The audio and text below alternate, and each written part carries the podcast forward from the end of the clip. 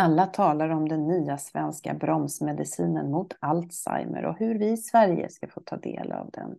Läkemedlet godkänns för patienter med mild eller tidig Alzheimer och hjälper sannolikt bara i månader.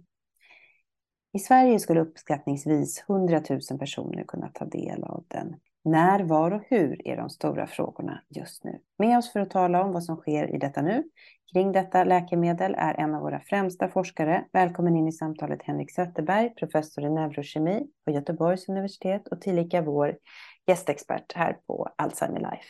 Välkommen! Tack, tack så mycket, tack så mycket. Den här medicinen har godkänts i USA och väntar på godkännande i Europa och det kan ta upp till ett år. Vad händer nu egentligen? Vet du? Ja, precis. Nej, egentligen så är det, egentligen, det är precis som du sa, alltså att detta är godkänt i USA eh, för mild eh, Alzheimer och även lindrig kognitiv, kognitiv svikt på basen av Alzheimer. Och det är där studierna har genomfört också.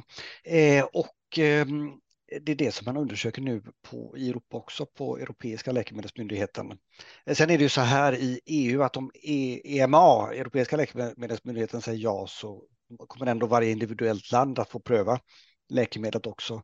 Och i Sverige så är en ganska viktig sak den hälsoekonomiska analysen när man tittar på läkemedlets kostnader i mm. relation till eh, vilken nytta läkemedlet gör. Och det är klart att där kan det bli tufft alltså om, om läk läkemedlet verkar vara bli ganska dyrt ändå.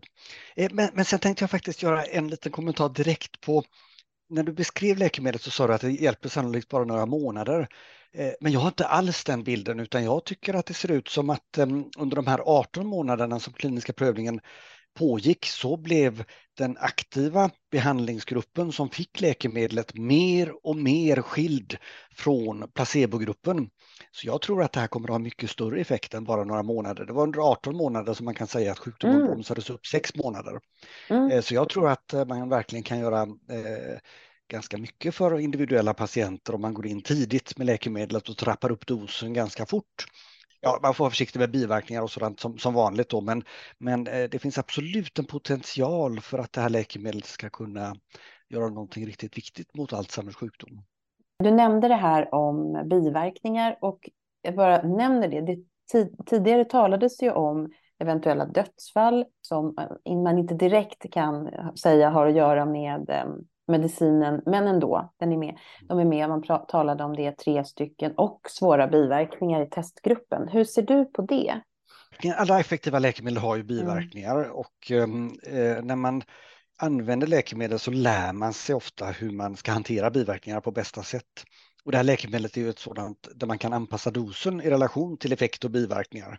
Eh, och det enklaste att göra om man, den viktigaste biverkan som kan uppstå vid den här, mm, av, med det här läkemedlet och även vid några, eller av några läk, liknande läkemedel, det är en eh, det låter lite läskigt, det är en lätt hjärnsvullnad och det är vätskeförhållanden i hjärnan som ändrar sig lite grann, ungefär som att kärlen kanske börjar läcka lite mer vatten in i hjärnvävnaden. Hjärnsvullnad är, är, låter illa, men det behöver inte alls vara så farligt. Och de som fick symptomatisk eh, hjärnsvullnad, de fick ont i huvudet framför allt. Eh, sen är det så att man kan också bli lite förvirrad och så om man får, man får mycket av detta. Och då sänker man dosen eller hoppar över dosen tills det klingat av och sen kan man börja igen lite försiktigt. Mm. Så det, är inte, det, det, känns som en eh, biverkan som vi kommer att lära oss att eh, hantera på ett bra sätt. Och de här mm. dödsfallen, de är eh, väldigt svåra att uttala sig om mm. och eh, sannolikt så har de väl inte med läkemedel att göra utan men man måste ju ta sånt här på mm. eh, största allvar så att alla patienter kan känna sig trygga. Så man får helt enkelt titta på detta noggrant och se om det är så att det, att det dyker upp fler. Då får man dra öronen åt sig och titta vad, vad är egentligen det som, som händer här och men det finns mycket som talar för att det, det inte direkt har med, med läkemedel att göra. Det här är en lång process. Hur lång tid tror du att det kommer ta innan det faktiskt är möjligt att få ta del av den i Sverige? Jag hoppas att det ska ta ett par år eller tre år kanske, två, mm. tre år eller kanske, kanske ja, det är kanske svårt att få det att gå fortare men det är också lite spännande för vi lär ju oss om läkemedlet i USA nu där det faktiskt används ehm, och hur det kommer att ehm, hur man kommer kompensera patienter för kostnader med läkemedlet. Men redan nu så pågår det en hel del ehm, behandling i privat sjukvård.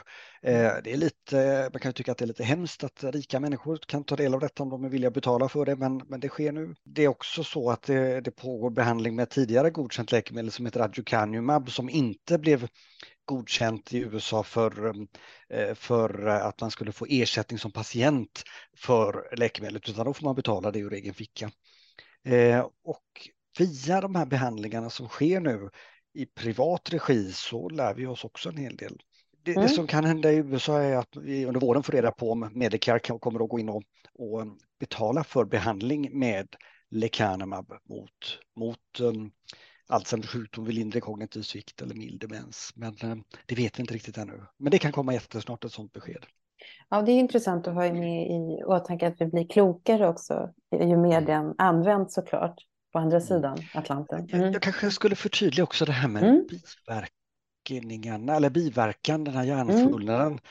Den verkar också vara ett slags förutsättning för eller ett, ett mått på att läkemedlet har effekt mot de amyloida klumparna. Mm. Så den uppkommer lite, lite sådana här vätskeförändringar i hjärnan får man särskilt i de områden i hjärnan där läkemedlet angriper de här amyloidklumparna.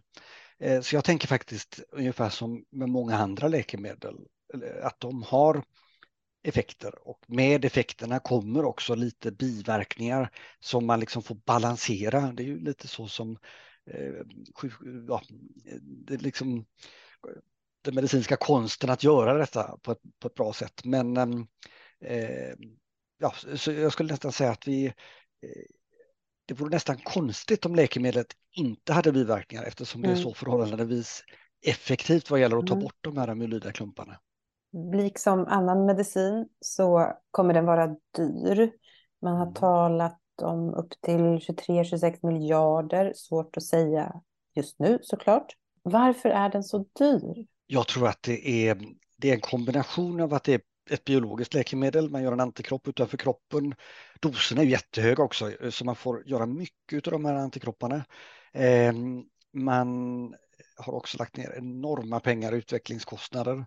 Eh, så det är nog en form av kalkyl. Nu är inte jag alls expert på hur mm. man, hur man prissätter läkemedel, men ehm, jag skulle kunna tro att det är någon slags balansgång här mellan eh, kostnader för att göra ett ganska avancerat läkemedel och att få hem lite eh, mm. pengar som, för att täcka upp för de utvecklingskostnader man har haft. Och då har man också en patenttid inom läkemedelsbranschen och när patentet har gått ut så, så blir det möjligt att tillverka det till en mycket lägre kostnad. Mm. Eh, eller tillverkning, kostnaden kommer vara densamma men man, man, läkemedel kommer att dyka upp då med, med generika alternativ som inte alls kommer att vara lika dyra och då kommer eh, de företag som har liksom lagt ner utvecklingskostnader inte längre kunna kamma hem några sådana vinster utan det är en, jag tror att detta är en kombination av att läkemedlet har varit dyrt att ta fram och är förhållandevis dyrt att framställa. Är det ens möjligt för Sverige att göra det när det är ja. den här, de här summorna? Det pågår nu en massa hälsoekonomiska analyser av lecanemab. Mm. Och eh, då har man vissa riktlinjer att gå på. Man kan jämföra med lite tidigare läkemedel som också har blivit godkända. Och eh, lecanemab som det är prissatt nu ligger på gränsen, eller, eller, alltså, eller möjligen mm. över gränsen faktiskt, för vad man brukar i Sverige godkänna. Eh, och detta får man ju lite grann titta på om det finns någonting man kan göra för att sänka kostnaderna lite grann för det här läkemedlet så att det, så att det skulle kunna bli godkänt det är ju en stor risk att det då i sådana fall inte blir godkänt i Sverige. Eh, då går det fortfarande som läkare att förskriva det, men då får man göra det på licens. Och det är ju inte det vi skulle vilja göra för våra patienter. För det, det, det ändå, då, då får man ta ett licensförfarande på varje enskild patient på någon vänster. Då eh, bekostar man det själv alltså? Eller? Då kan ja. det, det beror lite på faktiskt. För mm. Det finns också så att man skulle kunna få att läkemedelsföretaget bekostar, eh, bekostar läkemedlet i de enskilda fall där man får licens. Mm. Det, är lite, ja, det, det, är lite oklart hur det går till, eh, i alla fall mm. för mig. Ja, men du var inne på det, det här hälsoekonomi och det är väldigt intressant hur man eh, resonerar kring, kring mm. sådana här frågor. Har du något annat exempel på hur man har kommit fram till någonting som har sett ut så här och hur blev det då?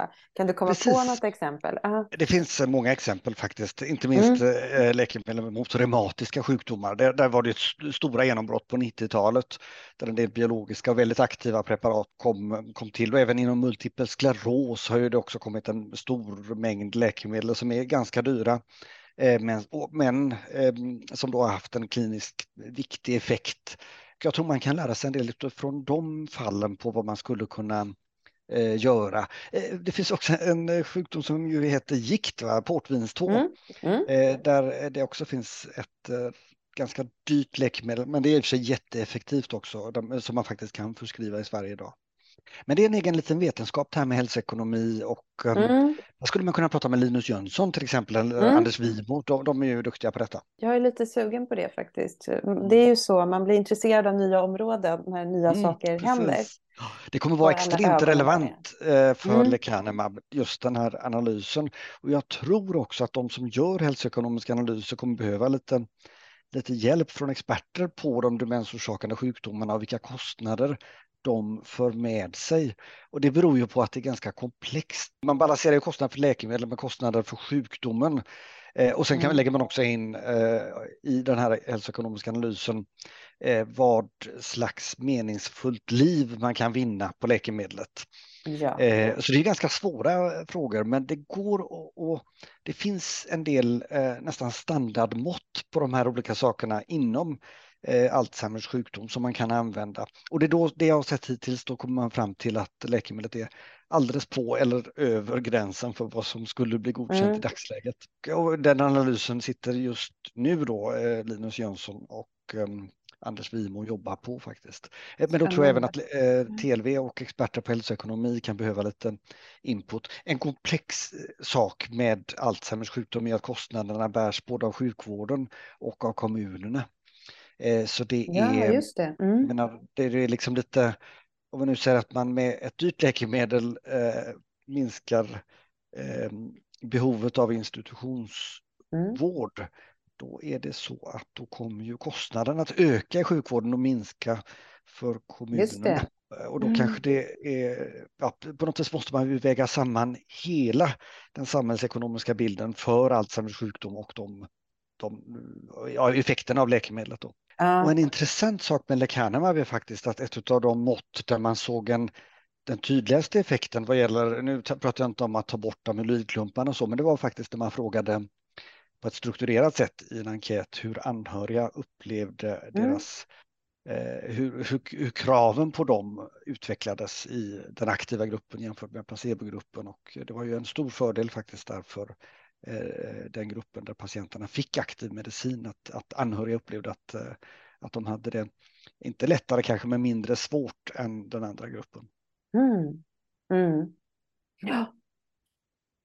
Precis, det är mycket att hålla huvudet här. Mm. um, jag tänkte som en sista fråga, eh, det här läkemedlet bygger ju på antikroppen som vi varit inne med, Lacanemab. Säger jag så? Lacanemab. Helt rätt, jajamän, Lacanemab. Lars Landfelt i Uppsala universitets upptäckt, eller hans forskargrupps upptäckt som det bygger på. Du låter ju så glad när du talar om det här och det är så mm. skönt att höra när, när det kommer så mm. mycket kritik. Eller det har varit kritik, både positivt och negativt såklart. Mm. Det är väldigt skönt att ha en positiv röst som din.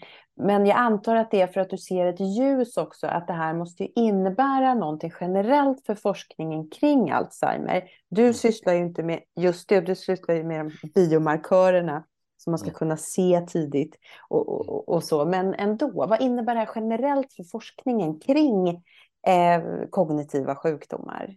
Väldigt intressant fråga, det är en stor fråga också. För, eh, och det är också lite svårt att eh, fortsätta vara objektiv när man svarar på en sån här fråga. För det är eh, lite grann så här att det här Alzheimer-fältet har ju varit lite gungning eh, över åren där det har varit en del oro över att den grundläggande hypotesen angående vad som eh, framkallar Alzheimers sjukdom, att den kanske inte riktigt är rätt.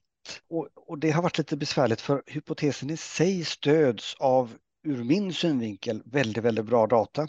både genetiska och biokemiska data Mm. och även när vi tittar på biomarkörer och sådant. Det vill säga att amyloidklumparna uppkommer hos kanske 20-30 procent av oss.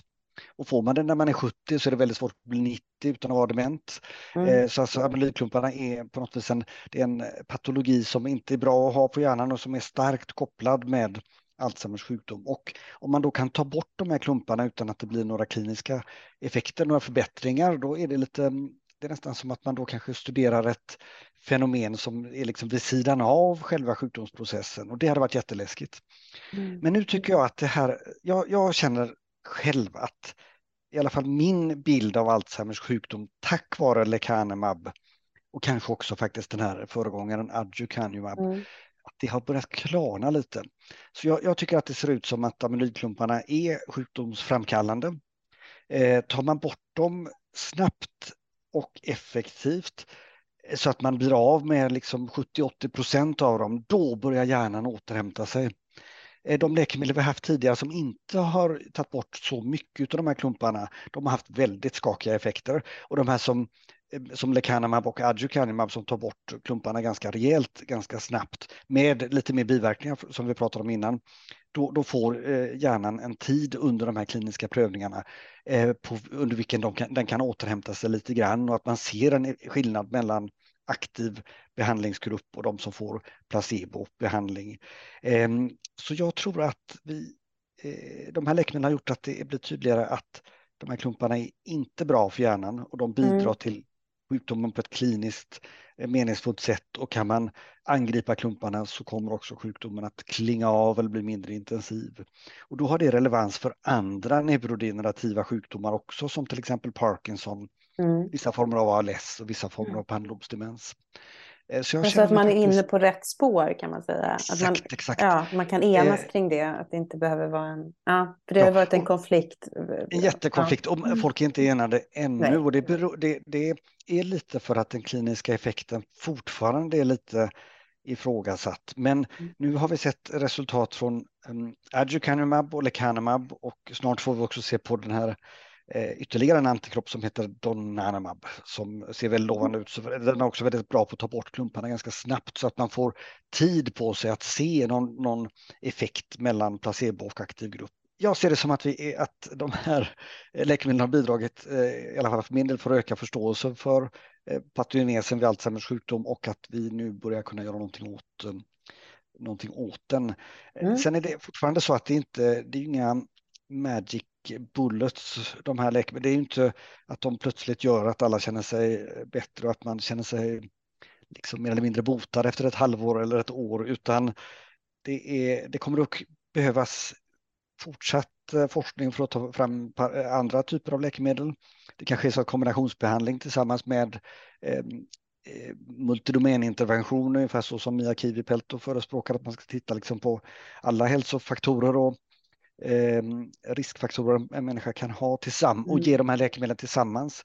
Eh, eh, då eh, kanske det är så att vi kommer att kunna behandla sjukdomen på ett mycket, mycket bättre sätt. Och att det inte blir riktigt lika otäckt att få den där diagnosen heller, utan då kan man få reda på vid väldigt tidig sjukdom att eh, här verkar det vara amyloidklumpar och vi tror att detta kan vara ett tecken på att det faktiskt är en tidig Alzheimer som påverkar Mm. din hjärna och nu kommer vi att eh, se om du skulle kunna få den här hjärnrensande behandlingen under ett år Mm. eller två år med regelbundna infusioner av den här antiamyloidantikroppen. Sen Mm. utvärderar vi och ser om klumparna är borta eller inte.